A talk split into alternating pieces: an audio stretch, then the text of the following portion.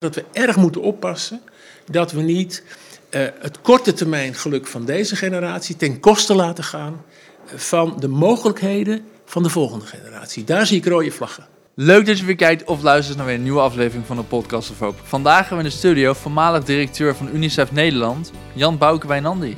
We gaan het onder andere hebben over de SDG's en hoe je geluk in de verantwoordelijkheid voor je omgeving en de volgende generaties ligt. Podcast of Hope, moving towards happiness. Nou, leuk dat u er bent. Ja, we gaan het vooral hebben over geluk. Is dat een onderwerp wat u veel bezighoudt in het dagelijks leven? Ja. Ja, je denkt er wel over na. Je denkt over geluk en, en ongeluk. En, maar wat misschien nog belangrijker is, op de ene dag ben je heel gelukkig. Ja. En de andere dag ben je misschien iets minder gelukkig. Dus het is een onderdeel van je, van je bestaan. Ja, precies. Ja. ervaart u zelf dan veel van die pieken en dalen? Nee, valt wel mee. Oh. Valt wel mee. Ik ben niet uh, uh, het ene moment heel depressief en het andere moment heel manisch. Dat valt best wel een beetje mee. Maar je denkt over de dingen na. Ja, een hele vlakke golf misschien. Mm, ja, het hangt ook een beetje vanaf wat je meemaakt uh, en waar je door beïnvloed wordt. En, en, en, ik ben wel iemand die nadenkt over de dingen die om mij heen gebeuren. En daar hoort dat gevoel natuurlijk bij. En dat kan het gevoel zijn dat je het ergens heel erg mee eens bent, of dat je het heel erg oneens bent, of dat je denkt dit gaat de verkeerde kant op, of dat je blij bent met dingen. Eh, ja, en dat kan ook een geluksgevoel zijn. Ja, dus het zijn wel een soort van externe factoren, maar dan uw blik daarop. Begrijp ik het zo goed? ik denk dat het allebei is. Eh, eh, kijk, waar de een heel erg gelukkig van wordt, daar zal de ander helemaal niet gelukkig van worden. Dat is heel persoonlijk. Hè? De een zit ook anders in elkaar dan de ander. De een wordt gelukkig van een overwinning van het Nederlands elftal. Uh, de andere is daar niet in geïnteresseerd, maar die wordt gelukkig van in de natuur lopen. Of die wordt gelukkig van een behaald resultaat, of misschien wel een nieuwe auto, of een, of een goede relatie, of het zien van kleinkinderen.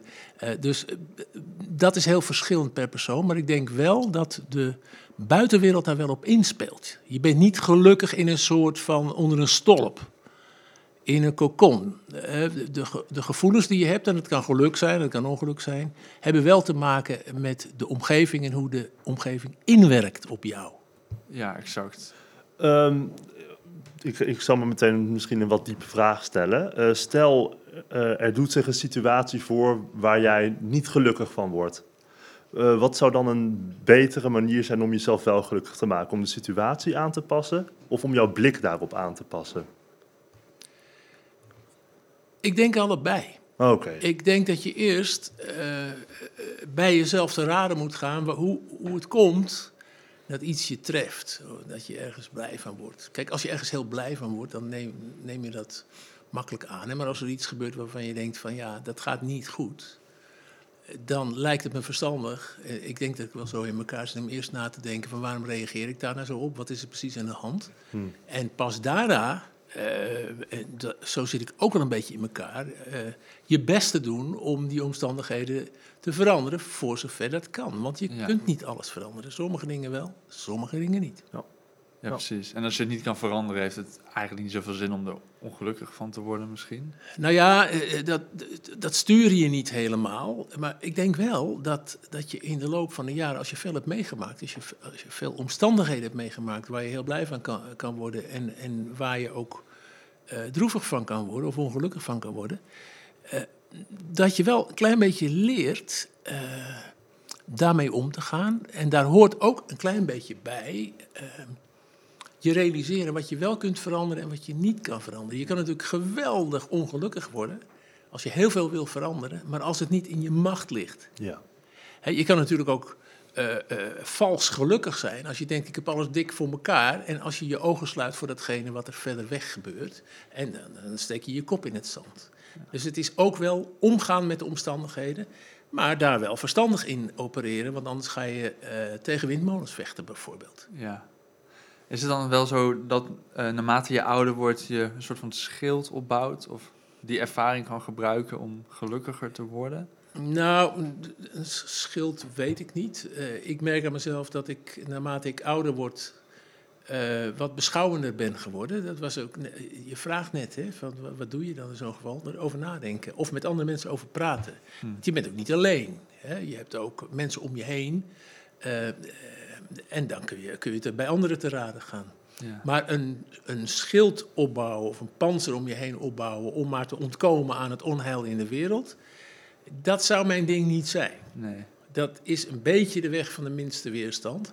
Want wat mij betreft is een mens een wezen, en zo voel ik mij ook, in een context, in een omgeving. Hm. Dus in relatie met andere mensen. Dan kun je wel zeggen, nou doen we wel even de deur dicht, maar zo zit ik niet in elkaar. Daar ben ik denk ik een beetje te extrovert voor ook. Ja. ja, want veel van onze gasten die zeggen ook, um, geluk is uitsluitend iets wat in jezelf wordt gevonden. En dan heb je het tegenover weer heel veel gasten die zeggen van, nee, het zit juist in relatie tot anderen. Ja. Dus dan zou u meer die tweede kant kiezen. Ik denk het wel. Ik, ik, het, nogmaals, het zal van de persoon uh, afhangen, de, uh, hoe, je, hoe je daarin staat. Maar ik zou uh, def, geluk definiëren als je welbevinden. Hm. daar kun je heel veel woorden en synoniemen voor verzinnen, maar je prettig voelen. En ik denk, zoals ik er tegenaan kijk, en dat zal niet iedereen zo doen, dat het te maken heeft met je omgeving dat het ook te maken heeft, eh, mensen zijn sociale wezens, eh, met de relatie die je hebt met andere mensen. En dan kun je zeggen, nou, eh, als dat je, je partner, je kinderen, je kleinkinderen, je buren en drie vrienden zijn, dan is het wel genoeg. Um, ik zie dat wel breder. Ik denk dat het relationele zich niet beperkt tot je onmiddellijke omgeving, maar juist ook omdat ik uh, mijn hele leven internationaal heb gewerkt en heel veel weet van uh, en heb meegemaakt en wat er elders in de wereld gebeurt, uh, zie ik die relaties ook veel breder. En mijn geluk wordt meebepaald, of, of mijn soms ongeluk wordt meebepaald, door wat er ver weg wel goed gaat en niet goed gaat. Dat is niet alleen mijn hele kleine directe omgeving. Hmm. Maar die omgeving is voor mij wel heel erg belangrijk. Ja, we zagen net voor het gesprek ook al die foto van u in de Filipijnen. Is het misschien zo dat u heeft nu zoveel dingen gezien dat het voor u niet meer mogelijk is die, ik noem het maar even, oogkleppen op te zetten? Eh, ja, als ik oogkleppen zou opzetten, zou ik dat misschien wel een beetje als een nederlaag uh, zien. Want ik weet beter. Ik weet dat er ook heel veel dingen, maar dat weten we tegenwoordig allemaal via de media en zo. Dat er ook heel veel dingen niet oké zijn. Uh, en als je gevoel hebt, dan, dan kun je best medelijden hebben in de zin van dat je zegt van dit gaat niet goed. Uh, uh, daar voel ik mij ook ongelukkig over, ook al is het ver weg. Ja, die, die, foto uh, waar ik in de Filipijnen loop, dat was na een, een, een, grote tyfoon in 2013, Haiyan in de Filipijnen, waar ook een nationale actie in Nederland over gevoerd is. Ik was toen in de Filipijnen. ik kwam s morgens vroeg aan uh, en uh, liep in één keer in die puinhoop waar, al, waar, die, waar die, die tyfoon overheen gegaan was, op, op eilanden in de Filipijnen, waar alles kapot was. En dan reageer je niet met je verstand in de zin van, nou jongens, uh, dit is heel vervelend, hier moeten we zo snel mogelijk wat aan gaan doen. Dan reageer je ook met je gevoel. Ja. En die foto die heb ik later teruggezien. En, en, ik ben me helemaal niet eens bewust geweest dat die genomen is door iemand. Ik weet ook niet eens door wie. maar daar zie je wel dat je er bepaald uh, ongelukkig van kan worden om zoveel ellende om je heen te zien. En ik heb in alle, alle uh, reizen die ik heb gemaakt, um, vaak in oorlogsgebieden of uh, aan de grens in een vluchtelingenkamp of na een grote ramp, daar heb ik heel veel ellende gezien waar ik me niet meer van kan afsluiten. Want dat zou ik als een nederlaag zien. En dan denk je ook, laat ik mijn wereld maar beperken tot, tot mijn eigen prettige omgeving. Ja. En dat schept tegelijkertijd ook een verplichting. En dat schept ook de situatie dat je daar voortdurend mee om moet gaan. Het is niet allemaal koek en ei, ook al uh, zit ik er zelf niet slecht bij. Hè. wij hebben een huis, we hebben inkomen. Uh, uh, maar heel veel mensen hebben geen huis en die hebben geen inkomen. Dat weet je en daar moet je wat mee. Ja, er zijn wel heel veel mensen die, en mezelf inclusief eigenlijk, die wel een beetje in die bubbel zitten. Um, is dat dan iets wat je zou moeten verbreken? Is het een beetje een red pill, blue pill scenario? Ja, uh, misschien zou je dat moet, moeten willen doorbreken. Wat mij wel opvalt, is dat we in een wereld leven waarbij we ook wel een klein beetje in die bubbel van, uh, van ons eigen uh, geluk en onze kortstondige geluk worden geduwd. Hè? We zitten in een systeem dat als je de televisie aanzet, dat je uh, veel reclame ziet, dat er heel veel beelden op je afkomen over waar je aan zou moeten voldoen, wat je zou moeten hebben. Uh, dat zijn vaak kortstondige geluksmomenten. Dan heb je iets. Bijvoorbeeld, je koopt een nieuwe auto als je het kan betalen. Het schijnt dat je uh, na zes weken weer gewend bent aan die auto. En dan is dat bijzondere gevoel dat je een nieuwe auto hebt, is weer weg. Ja.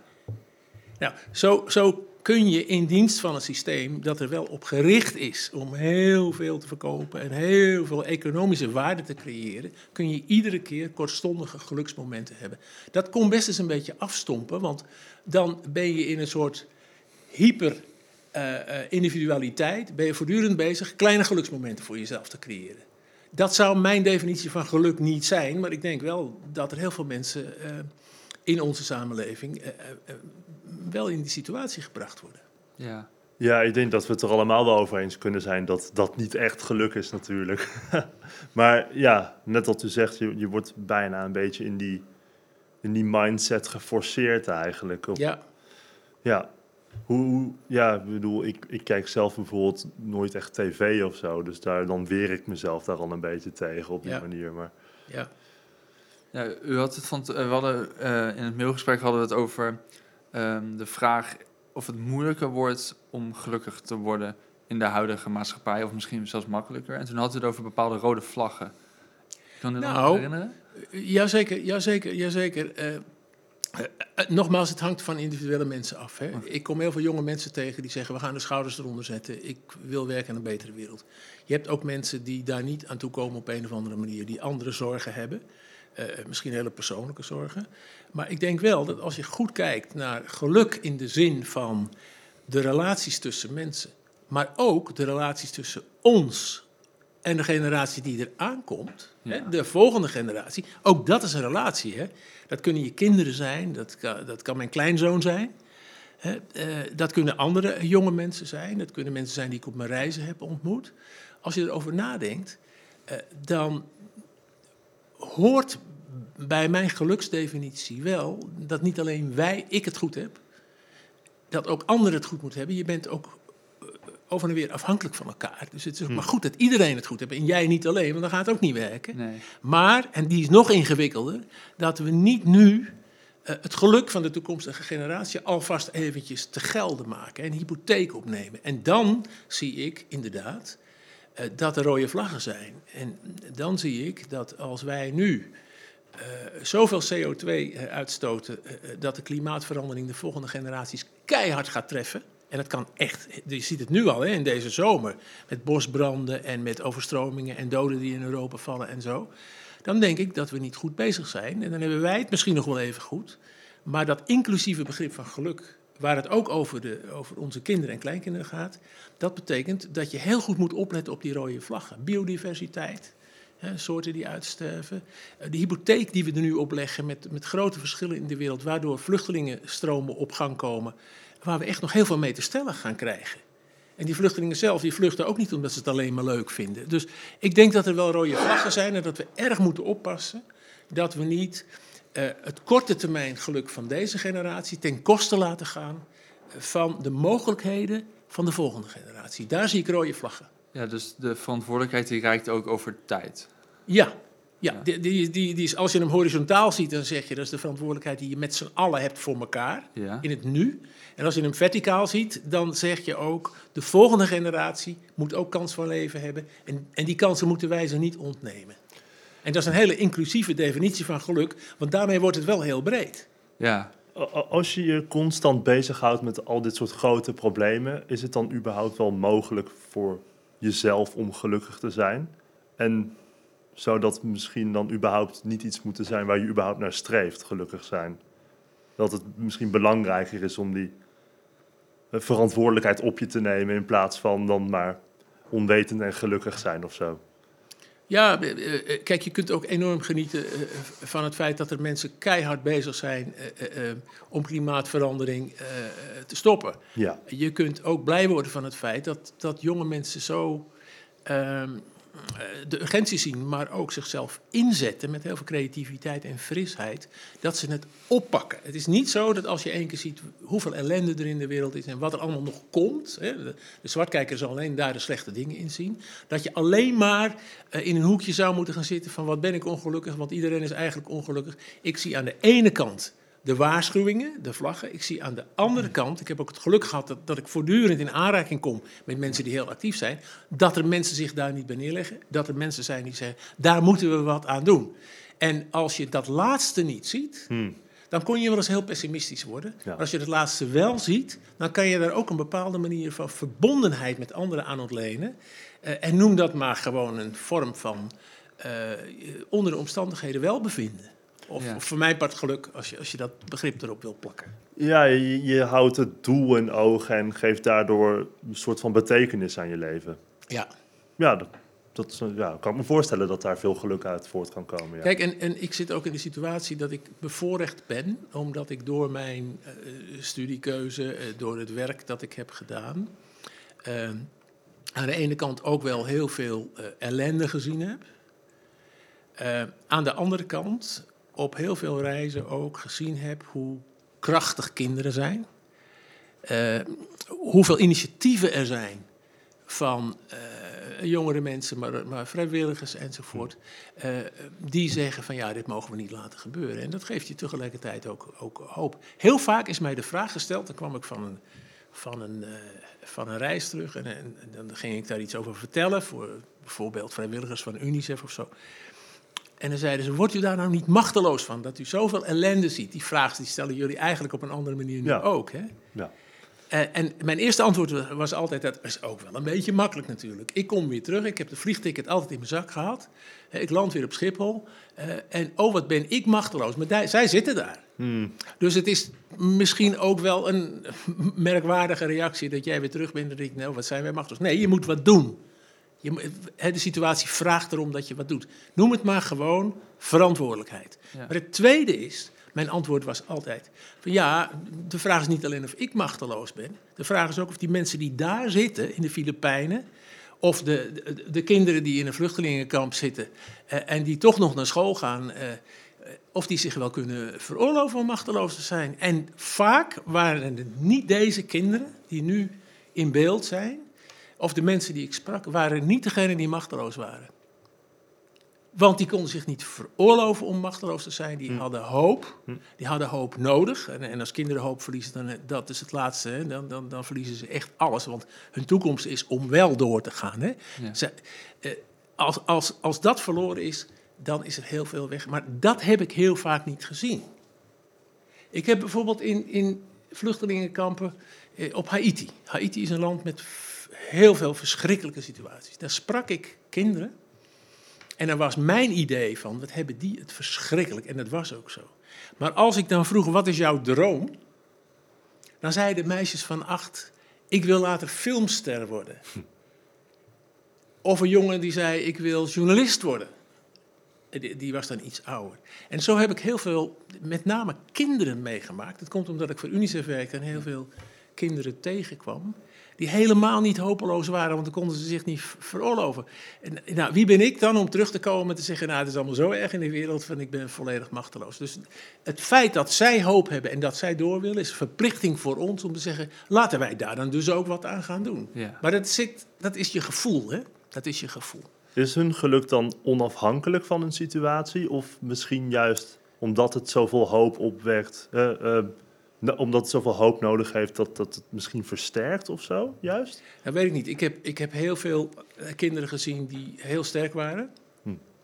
Uh, en, en als een kind het helemaal niet meer redde, dan zag je het ook aan een kind. Dan zat er geen leven meer in. Dat was het allerlaatste. Hè, de ondervoede kinderen enzovoort. Ja. Dan zat er geen leven meer in. En ongeacht de omstandigheden uh, heb ik meer kinderen gezien die in de ellende zaten en die vooruit wilden, ja. dan de kinderen die helemaal niks meer wilden. Want hoop, ja, het is misschien een platitude, het is misschien wat plat, maar hoop doet inderdaad leven.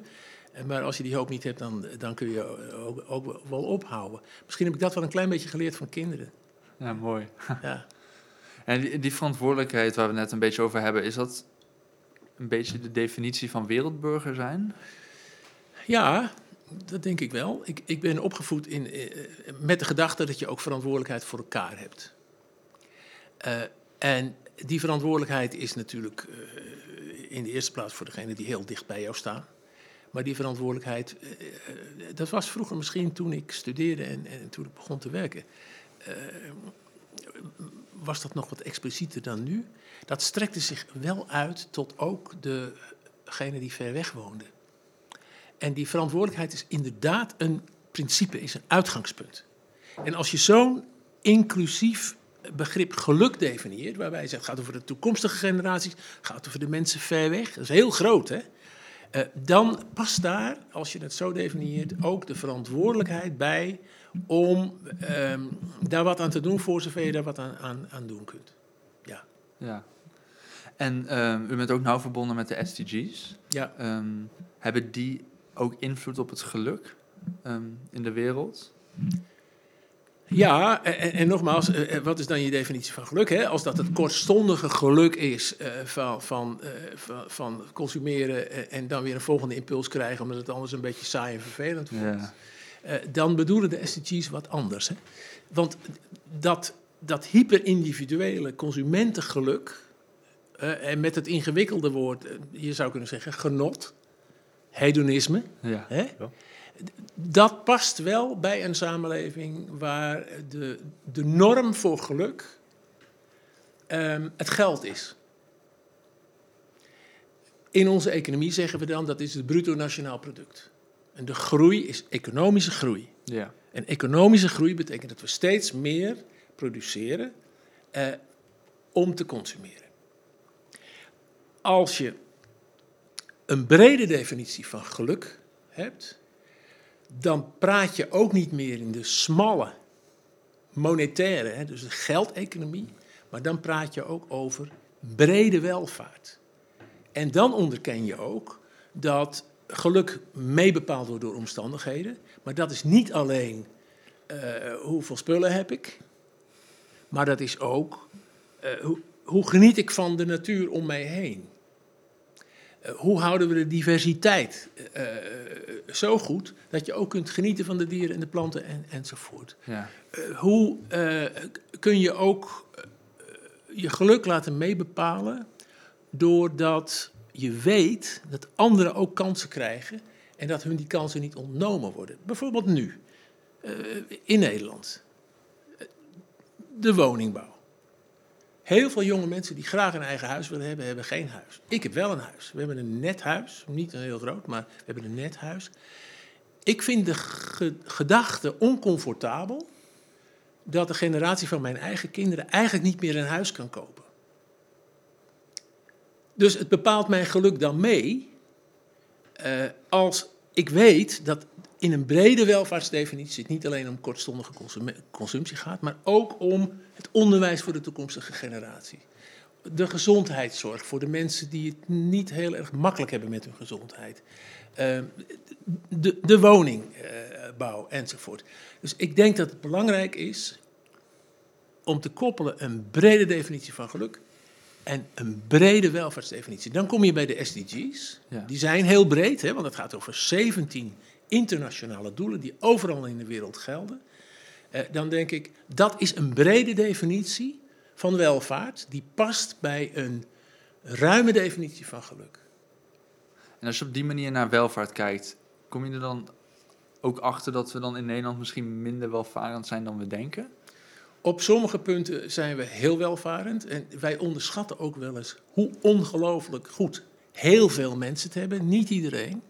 Maar zelfs als je klaagt in Nederland in de, over de gezondheidszorg, dan moet je je nog realiseren dat Nederland een van de beste gezondheidszorgsystemen in de wereld heeft. En zelfs als je klaagt over het onderwijs, en er wordt soms ook wel terecht geklaagd. Hè? Ik zeg niet niemand moet zeuren, want er zijn ook dingen die, die moeten echt beter. Hè? Dan moet je je nog realiseren dat we een van de beste onderwijssystemen hebben. Dat zie je nu met de coronasituatie, dat zie je nu met, met, met de Oekraïne-oorlog. Dan zie je dat wij de middelen hebben om datgene te doen om onze welvaart redelijk te behouden. Omdat we gewoon een heel erg rijk land zijn. dat schept wat, wat mij betreft ook weer de verplichtingen voor Nederland om verder te kijken dan de Nederlandse dijken en de Nederlandse grenzen. Maar wij hebben het ongelooflijk goed.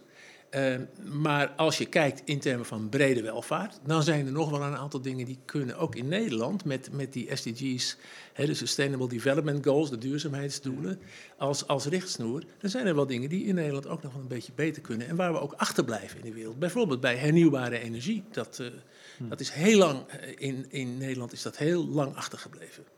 Oké. En die SDG's, die worden wereldwijd, worden die... Um hoe zeg je dat? Daar wordt wereldwijd aandacht aan besteed. Of is dat vooral in dit geval in Nederland? Nee, de SDG's die zijn uh, door de Verenigde Naties in het leven geroepen. Mhm. En, en, die bevatten een agenda voor het jaar 2030. Mhm. Met hele concrete doelen op het gebied van armoedebestrijding, hongerbestrijding, onderwijs, gezondheidszorg, uh, klimaatzaken, energiezaken, de kwaliteit van het water, de, de, ongelijkheid in de samenleving. Uh, dat zijn hele concrete doelen. Die zijn heel erg sterk uitgewerkt. En die zijn in de Verenigde Naties opgesteld als een agenda om hele concrete verbeteringen tot stand te brengen in het jaar 2030. Dus het is eigenlijk de wereldagenda die voor alle landen geldt voor het jaar 2030. Is dat dan een beetje vergelijkbaar met de millenniumdoelen? Ja, dat, dat is het zeker. Uh, die waren, zoals het woord al zegt, die, die, die waren overeengekomen door alle uh, leiders in de wereld in de Verenigde Naties in het jaar 2000.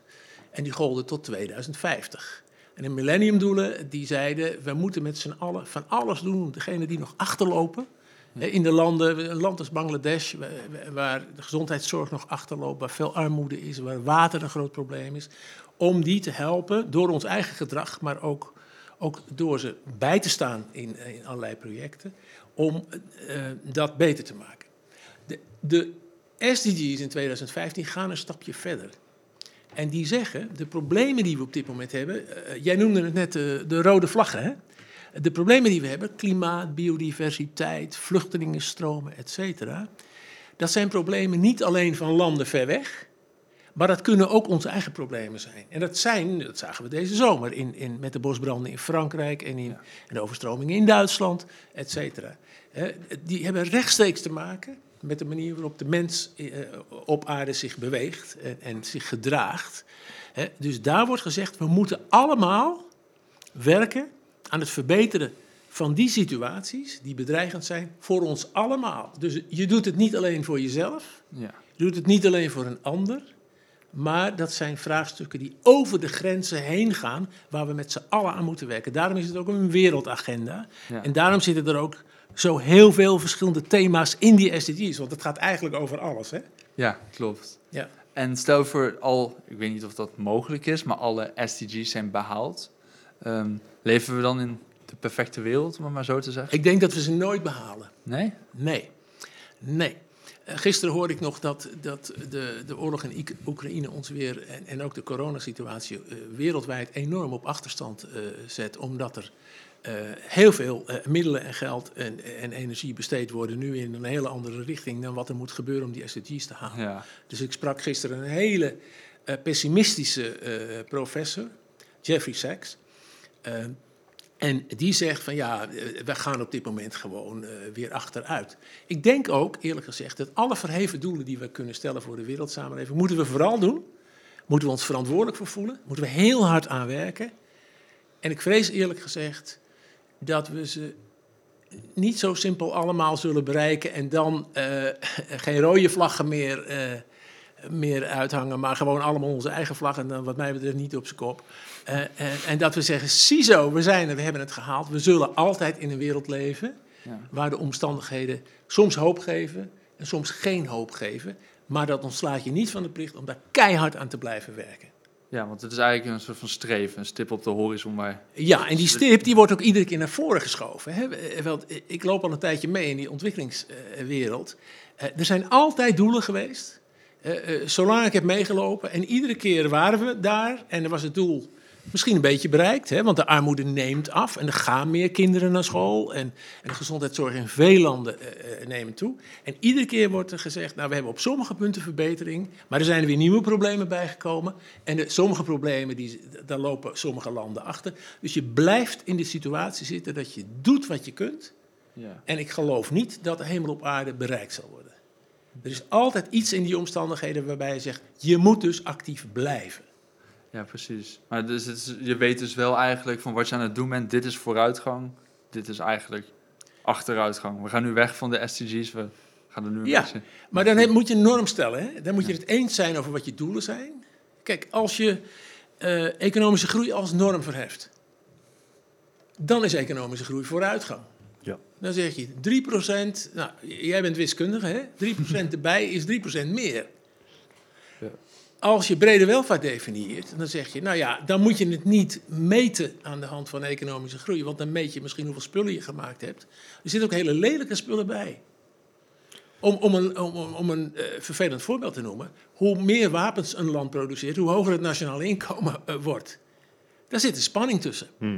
dus als je je doelen stelt als brede welvaart, en, en, de SDG's gaan uit van brede welvaart op heel veel terreinen, dan meet je anders en dan kun je ook op een andere manier bekijken waar je vooruit gaat en waar je achteruit gaat. En er zitten natuurlijk ook soms ook hele moeilijke tegenstellingen in. Als je het één bereikt, uh, bereik je dan ook het andere of zit daar ook weer een soort van ongemak tussen die dingen? Ja, ja, wat überhaupt vooruitgang is, ligt er maar gewoon aan door welke bril je kijkt eigenlijk. Zo is dat. Ja. Zo is dat. Zo is dat. En ik denk ook dat je dat, je moet je niet laten overvallen daardoor, eh, maar je moet daar ook het gesprek over voeren.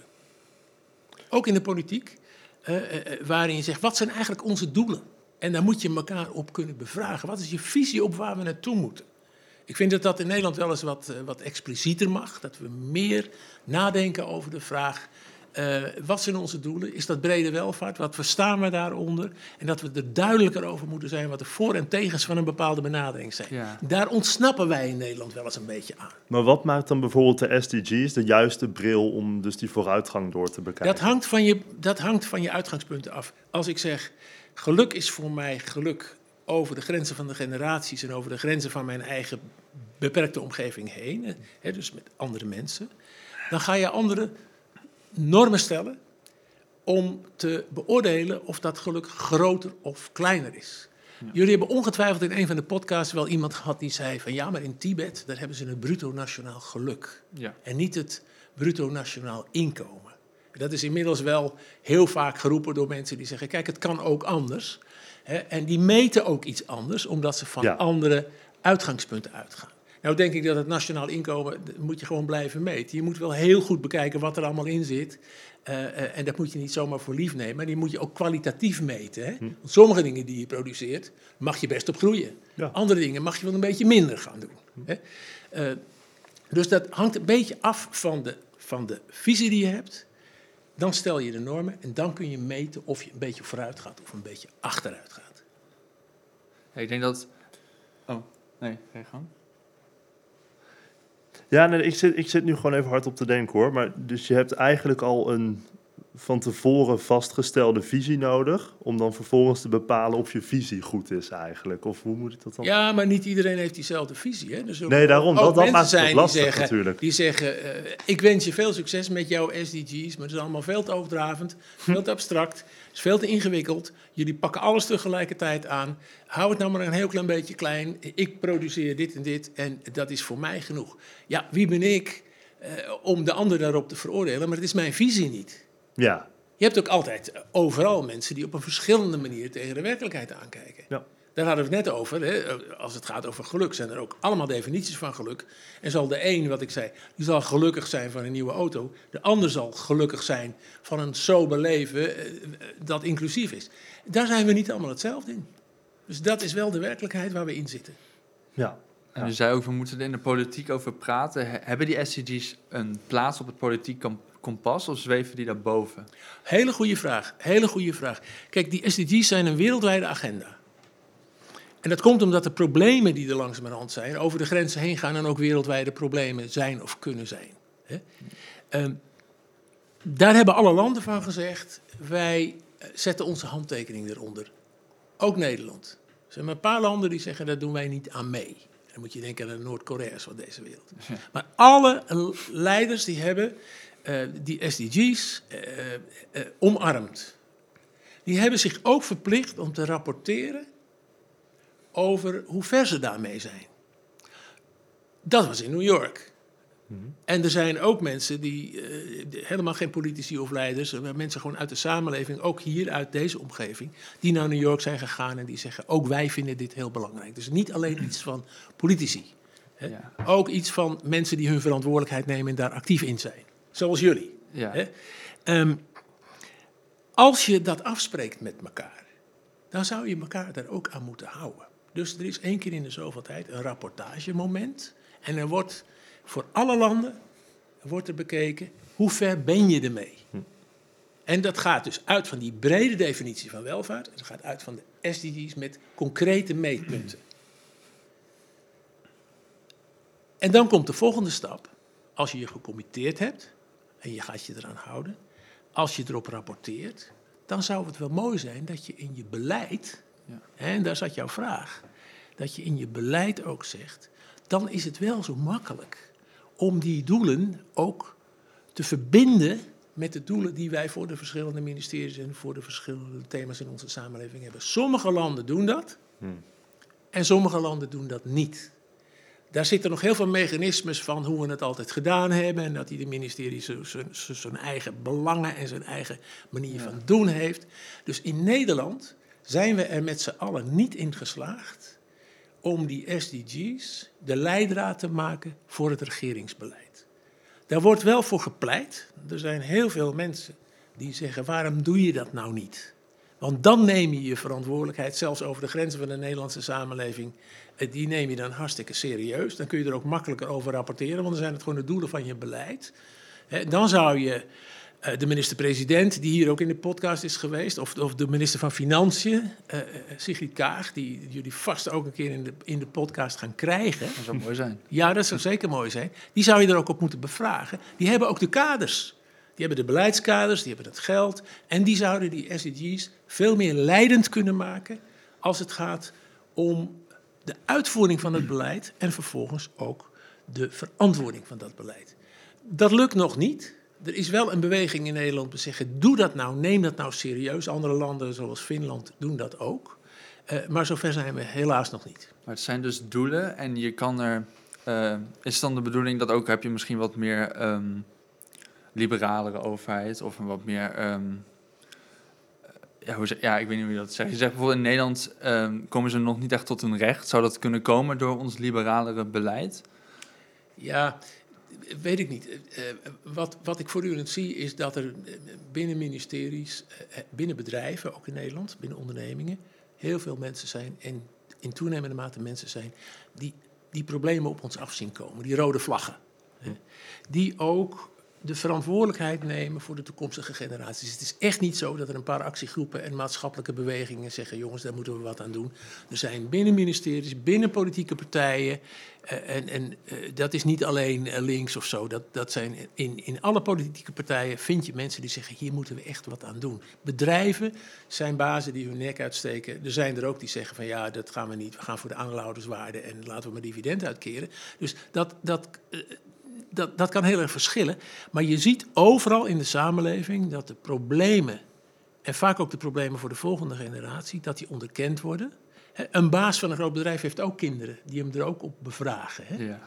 Dus ik, ik ben heel erg optimistisch over het feit dat er steeds meer mensen komen die zeggen: ja, daar moeten we echt wel wat mee. Maar dan moet je het wel organiseren. En dan moet je wel op een verstandige manier uh, met elkaar in gesprek gaan, eerlijk in gesprek gaan. En zeggen: hoe gaan wij uh, dat, uh, dat, dat die brede welvaart maatgevend maken voor de beslissingen die we nemen. In bedrijven, in het onderwijs, eh, door de ministeries, door maatschappelijke organisaties, in de gezondheidszorg. Ik zie het langzaam maar zeker komen. Daar zie ik ook dat de jonge generatie, degenen die net afgestudeerd zijn, hè, die het nog moeten maken, die, die nog helemaal niet in het, in het oude normaal hebben gezeten, dat die heel gemotiveerd zijn om hier aan te werken. Ik zie het steeds meer. Daarom ben ik ook niet zo, zo zwartgallig pessimist. Want ik zie dat de problemen er zijn. maar dat de nieuwe generatie ook behoorlijk bereid is die problemen weer op te pakken. Ja, en wat u net zegt, is gewoon belangrijk dat we met elkaar in gesprek gaan erover. Zeker, en uh, dat gesprek zijn we wel eens een beetje verleerd. Hè. In de politiek uh, hebben we het niet meer over visie, maar dan hebben we het over het oplossen van pragmatische problemen. Maar je ziet heel veel crises die we op dit moment hebben, de een na de ander. Uh, waar we, uh, denk ik, de verbinding niet gelegd hebben, terwijl die wel gelegd kan worden. En waar we iedere keer van geval tot geval heel pragmatisch één probleem proberen op te lossen. Dan is het stikstof, dan is het woningnood, dan is het energie, et cetera. Terwijl je af en toe moet nadenken over de vraag, wat zijn eigenlijk onze startpunten? Wat is onze visie? Dat gesprek, dat mag wat mij betreft wel wat intensiever gevoerd worden in Nederland. Hm. En ik kan me ook voorstellen dat als je nu aan het luisteren bent en je denkt, oké, die SDG's, dat is iets dat ligt bij de overheid. Maar wat zou je zelf kunnen doen om deze SDG's misschien te verwezenlijken? Ja, dat is, dat is een hele goede vraag. Uh, want het is namelijk allebei waar. Je kunt wel zeggen, we wachten net zo lang tot de overheid eh, een goed beleid heeft en dan komt het vanzelf goed.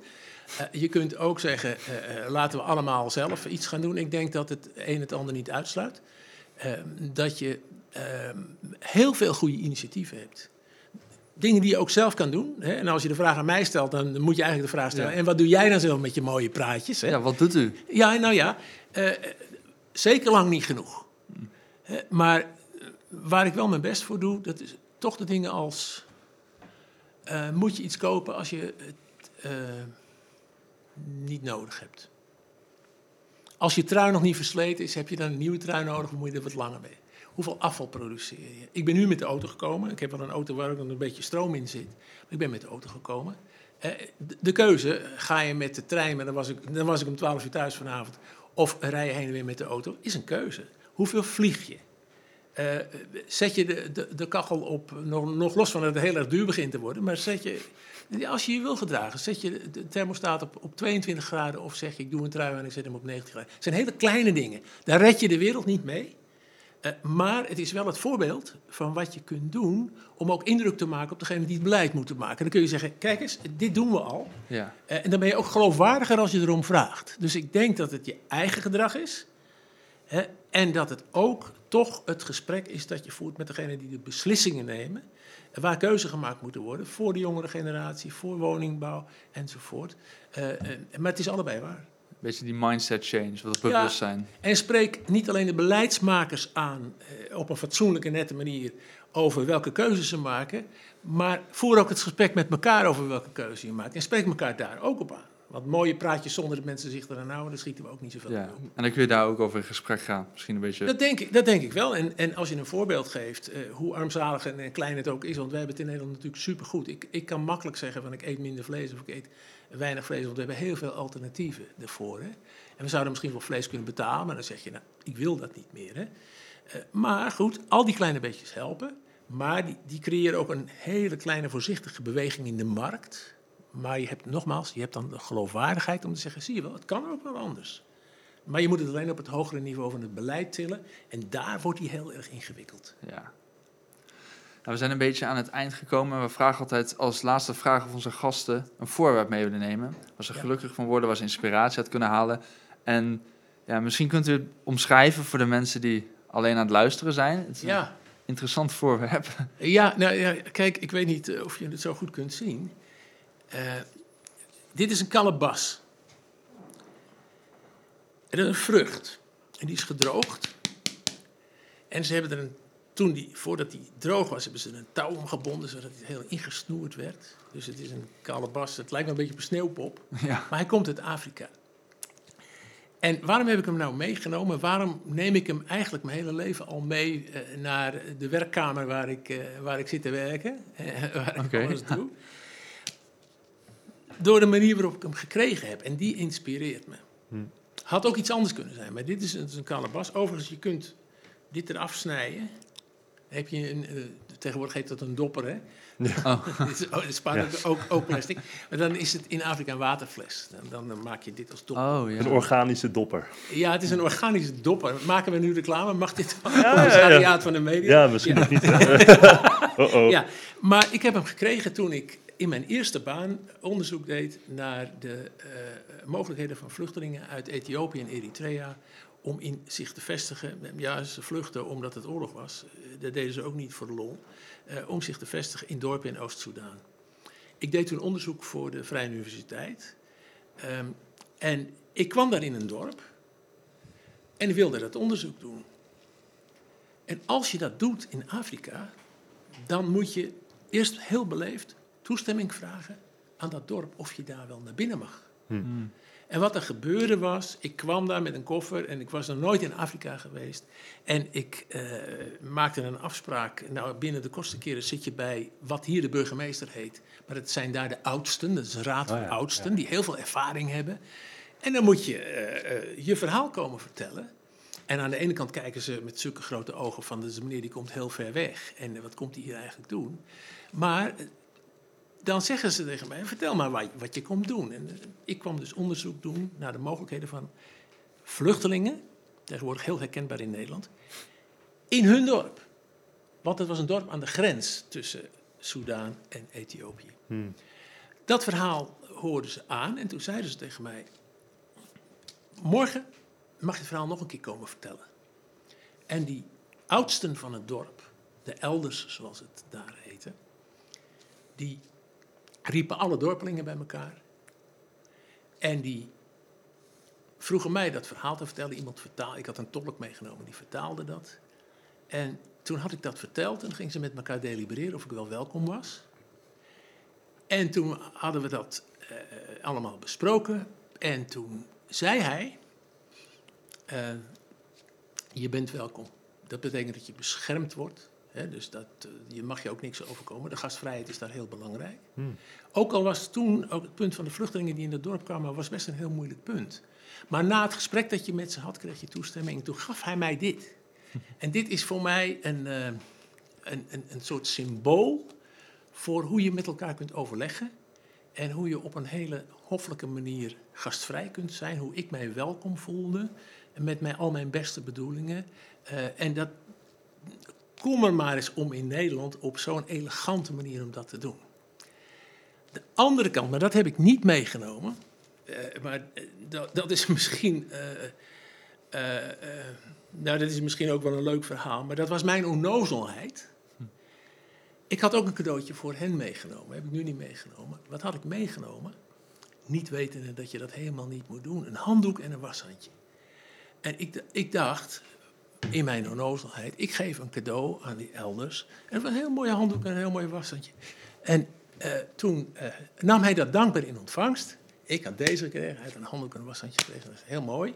Uh, en de dag daarna zei hij, dat moet je niet meer doen. Want uh, dat moet je nooit meer zo geven. Want het wil eigenlijk zeggen dat je aan de burgemeester... ten overstaan van alle mensen in het dorp hebt gezegd... hier heb je iets, dan kun je je eens een keer fatsoenlijk wassen. Ja, ja. maar die zei dat ook weer met een soort humor. Nou, nooit meer gedaan. En, nog heel veel andere fouten gemaakt bij alles wat ik eh, overal in de wereld heb gedaan. Maar dit is voor mij het symbool van een hele elegante manier om verbinding te leggen. Vanuit verschillende culturen waarin je fouten maakt. Waarin zij denken, wat komt die man hier doen? En daarom heb ik hem eh, als een symbool van verbinding eigenlijk eh, altijd op mijn bureau staan. En ik heb hem vanavond meegenomen. Ja, dat moet ook wel bijzonder zijn geweest dat je zo wordt toegelaten inderdaad. Ja. Dat is wel uh, bijzonder. Ja, dat was het ook. Dat is het ook. En dat schept ook weer de verplichting om het dan zo goed mogelijk en zo eerlijk mogelijk te doen. Ja, ja. ja. ja mooi verhaal. Ja. ja, en een mooie podcast. Bedankt dat u hier langs wilt. Ja, heel erg bedankt. Leuk om te doen. En eh, fijn dat jullie dat ook zo doen. En anderen de gelegenheid geven om uh, ja, jullie een discussie mee te maken die je hebt. En dat is een hele goede en mooie discussie via de podcast. Dus bedankt jullie ook daarvoor. Ja, graag gedaan. Bedankt voor het kijken of luisteren naar deze aflevering van de Podcast of Hoop. We hopen dat je ervan hebt genoten of misschien wel geïnspireerd door bent geraakt. Iedere zondag om 10 uur komt er een nieuwe aflevering online op YouTube, Spotify en op al je andere favoriete podcast-apps. Ook kun je ons vinden op www.podcastofhoop.nl. Tot ziens en veel geluk. De wereld waarin we leven biedt nog geen gelijke kansen. Voldoende eten en drinken, een adequate opleiding, goede gezondheidszorg, vrede en geluk is niet voor iedereen weggelegd. Maar stap voor stap wordt het beter en zijn we op weg naar een octopische samenleving waarin iedereen zijn of haar leven als goed kan beschouwen. Het is een lange reis, maar we zijn op weg. Podcast of Hope. Moving towards happiness.